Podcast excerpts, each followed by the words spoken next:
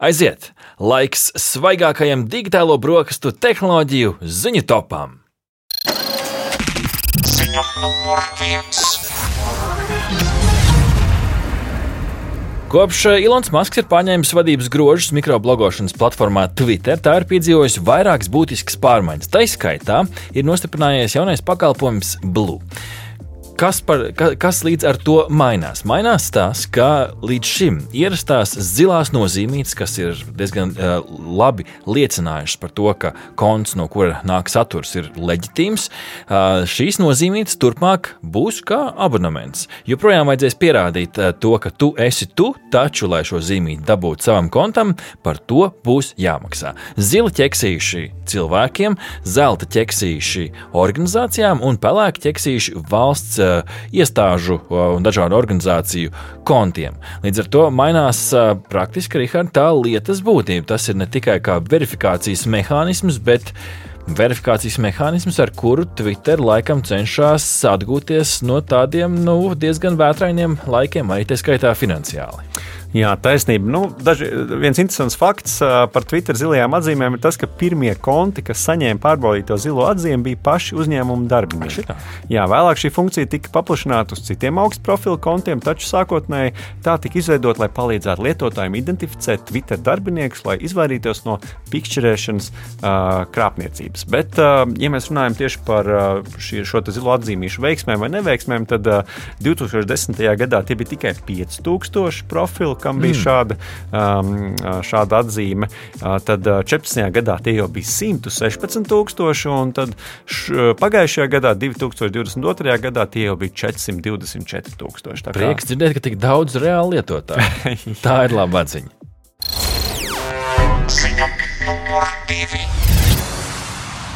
Kopš kara sākuma SpaceX ir piegādājis Ukrainai vairāk nekā 25,000 Starlink interneta termināļu, ar kuriem cilvēki uh, var pieslēgties internetam. Tāda jau ikdienas uh, pamata vajadzība. Uh, tomēr um, šīs attiecības starp SpaceX un Ukrainu varētu kļūt diezgan saspīlētas, jo uzņēmums ir ierobežojis valsts iespēju izmantot Starlink satelīta interneta pakalpojumus priekš uzbrukumu plānošanas un realizācijas konkrēti ir runa tieši par tādām ierīcēm, kas ir saistītas ar, ar internetu, piemēram, ar tālvadības droniem.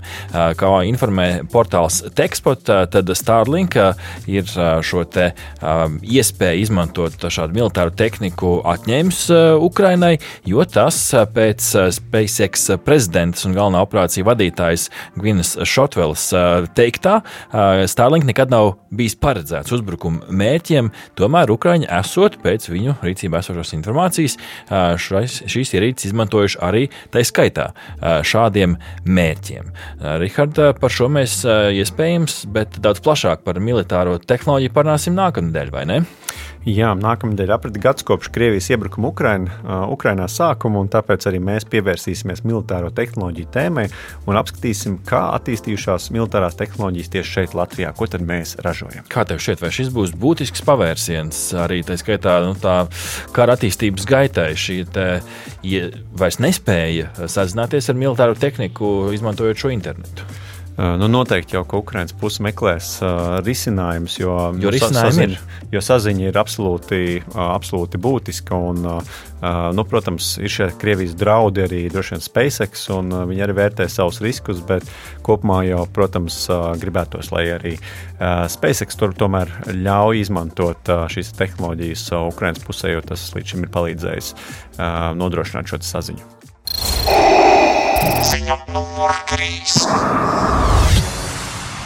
Latvijas jaunu uzņēmums Trace Space piesaistīs 1,5 eh, miljonus dolāru pirms sēklu investīcijām, lai veidotu programmatūru sarežģītu inženiertehnisko produktu izstrādē. Kāpēc šis ir būtisks jaunums? Jo ir, šis ir lielākais piesaistītais finansējums idejai, eh, tehnoloģijai, eh, jaunu uzņēmumam tādā pavisam agrīnā, agrīnā stadijā. Mēs runājam par pre-seed raundu, latviešu to varētu dēvēt par pirmsēklas kārtu, ko saņem jaunu uzņēmums tajā brīdī, kad tas sāk vispār kopumā savu darbību. Iecerēts, ka uzņēmuma risinājums nodrošinās automobīļu un industriālo produktu ražotājiem instrumentus, kas palīdzēs pārvaldīt lielu daļu no šī produkta izstrādes dzīves cikla. Mēs runājam par dažādu prasību uzskaitu. Šajā gadījumā prasības, nu, piemēram, attiecībā uz kvalitāti un izpildījumu tā tālāk. Un šis risinājums palīdzēs inženieru komandām, tas ir pirmajā kārtā izstrādātais risinājums, palīdzēs inženieru komandām desmit reizes ātrāk dokumentēt un pārskatīt prasības, vienkāršojot un uzlabojot iesaistīšanos prasību uh, izstrādē. Tā, tā, tāds uh, apsekošanas rīks uh, lielām industriālām izstrādēm, ja es pareizi saprotu. Jā, nu, teiksim, kā piemērs, 80. gadu automašīnai bija aptuveni 50 tūkstoši dažādu prasību un specifikāciju, bet mūsdienu auto to jau ir vairāk nekā 5 miljoni. Mm. Turklāt lielākā daļa no tām ir saistītas ar integrēto programmatūru. Un, citēji, mēs izstrādājam speciāli veidotu prasību pārvaldības rīku, kas vienlīdz labi uzlabo un apvieno visas inženieru disciplīnas - programmatūras, ierīču, mehāniskās, elektriskās un citas. Tā izcēlās viens no uzņēmuma dibinātājiem Jānis Vāvere. Jā, patiešām tāds būtisks iegūms šajā, šajā posmā, ko lai vēl šeit piebilst. Nu, tieši dibinātāji, Mikls Krams, viens no dibinātājiem, arī uzsvērs komentārā, ka viņi paredz, ka šī vajadzība pēc prasību uzskaits rīkiem, laikam ņemot vērā Riharda arī to statistiku, ko tu minēji par vairākiem miljoniem prasību šādiem lieliem izstrādes, izstrādes projektiem, ka šī vajadzība tikai palielināsies nākotnē. Līdz ar to šāds risinājums mm -hmm. cerams lieti, lieti noderēs. Un, kā piemin pats Mikls Krams, tad ja agrāk leduskapis bija tikai leduskapis, tāpat kā lampa, tad tagad daudzām no šīm ierīcēm ir arī programmatūra, mobilās lietotnes un tā tālāk. Mēs par šo starp citu parunāsim, Rihard, arī mūsu nākamajā segmentā par uh, ekosistēmām, kā arī sadzīves tehnikā tās bieži vien ienāk. Jā, nu mēs, protams, vēlamies veiksmi. Uh, Trace Space nu šobrīd tas piesaistīs 1,5 miljonus dolāru. Nu, jāpiebilst gan, ka lielākais vienā raundā piesaistītais finansējums Baltijā vēl projām pieder Bolt, un tie 2022. gada sākumā piesaistīs 628 miljonus. Bet nu, šeit, protams, uh, mēs runājam par atšķirīgām tādām piesaistes kārtām. Tieši tā, tieši tā. Jo, jo tā jau bija daudz vēlāk. Šeit tieši no tiem tālākiem raundiem, jo bija jau pirms tam, ja nemaldos, investīcijas. Jā, šis jau protams. bija tam jau tas brīdis, kad uzņēmums ir nostiprināts. Jā, jā, jā, tā kā Trace vēl ir daudz iespēju, iespējams arī šo pat pārspēt.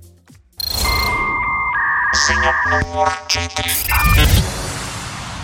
Gadiem ilgi straumēšanas platforma Netflix bija relatīvi atturīgs pret paroļu koplietošanu. Tātad eh, pret situāciju, kad tu abonē Netflix kontu un to dāsni iedod arī kādam savam draugam, paziņai vai sirdsāķītim.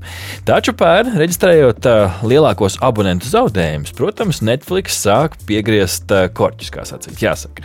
Tas ir ieviesis sistēmu, kas iekasē maksu par papildus lietotāju apakškontiem, kad cilvēki ārpus vienas mājsaimniecības, kas ir galvenais nosacījums, ārpus vienas mājsaimniecības uh, izmanto kontu paplašināt, kā stāsta portāls Sīnet. Par šo mēs, Rihard, esam jau stāstījuši agrāk vairāk, bet kur ir tā būtiskā atšķirība? No 8. februāra Kanādā, Jaunzēlandē, Portugālē un Spānijā šis patiešām reāli ir darbojies. Esmu dzirdējis vairākus podkāstus, kur cilvēki šķendējās par to, ka nu, beidzot ir jāsāk arī pašam maksāt. Un šis patiešām varētu būt, nu, nezinu, pat sauksim par mākslīgu, varbūt pat par dabisku tādu izaugsmes veidu, jo skaidrs, kas šobrīd notiek, tu pie tā satura esi pieradis.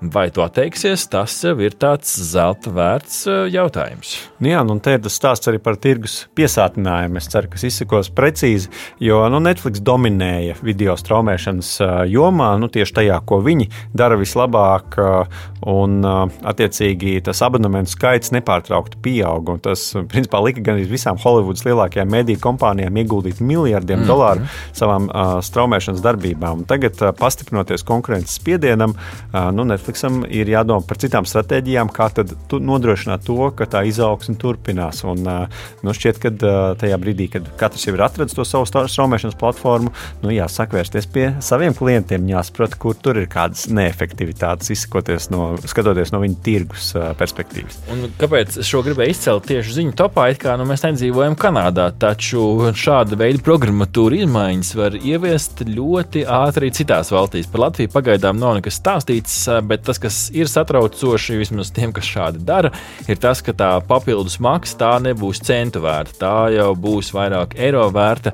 Un pie tam, nu, cik šie lietotāji tur ir šajā kontā iekšā, nu, es, zinu, es esmu redzējis, piemēram, ka pat veseli pieci draugi mēģina dalīt šo kontu, lai ietaupītu naudu. Nu, skaidrs, ka šajos laikos jāietaupa, bet šis nākotnē var būt kāds faktors, kas liek vairāk izvērtēt, ko tad es abonēju. Un noteikti būs arī svarīgi saprast, just kā tad šī cena pieaug. Mm -hmm. Jo, cik es saprotu, arī Netflix jau ir testējis daž, dažādas šīs versijas, un tad Čīlē, Kostarikā un Peru, kur pirmoreiz tika pārbaudīta šī nu, papildus maksa par šo papildus lietotāju, tad tas bija aptuveni 25% klāt pie standarta izmaksām. Savukārt, atkal citās valstīs nu, bija pat jārēķinās iespējams pat ar divreiz lielāku summu. Tā, kā, tā politika arī vēl katrā valstī nedaudz bijuši atšķirīga. Tas ir, jā, un tas ir jāskatās jāskatās, kas notiek tajā brīdī, ja es tomēr it kā sākumā nedalos, un tad es dalos, vai tur man sāks bloķēt, un kā tas viss praktiski strādās. Jo nu, diez vai geolokācija ir tas pareizais risinājums. Ir īpaši brīdī, kad tu nezinu, aizbrauc uz kādu viesnīcu, aizbrauc uz ārzemēm un joprojām gribi lietot Netflix kontu, nu, vai tajā brīdī tevi, tev liekas izmantot Netflix, nu, es stipri šaubos. Nu, tur jau pazūd tā brīvība un burvība. Tad kā noteikt to, ka kāds ir ārpus tavas mājasēmniecības? Ja es veselu veselu gadu skatos vienā adresē un citā adresē? Varbūt. Jā, tie ir tādi sarežģīti jautājumi.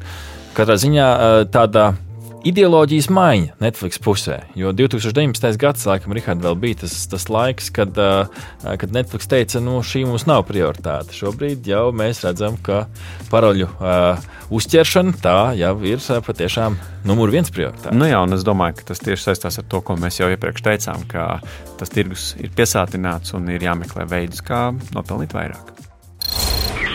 Ziņa numur 5. Latvijas Universitātes un Rīgas Tehniskās Universitātes pētnieki ar Eiropas Savienības fondu atbalstu izstrādā ierīci agrīnai ādas, melanomas un citu vēžu paveidu diagnostikai, pēc operācijas rētas uzraudzībai un audzēji recidīvu laicīgai atpazīšanai.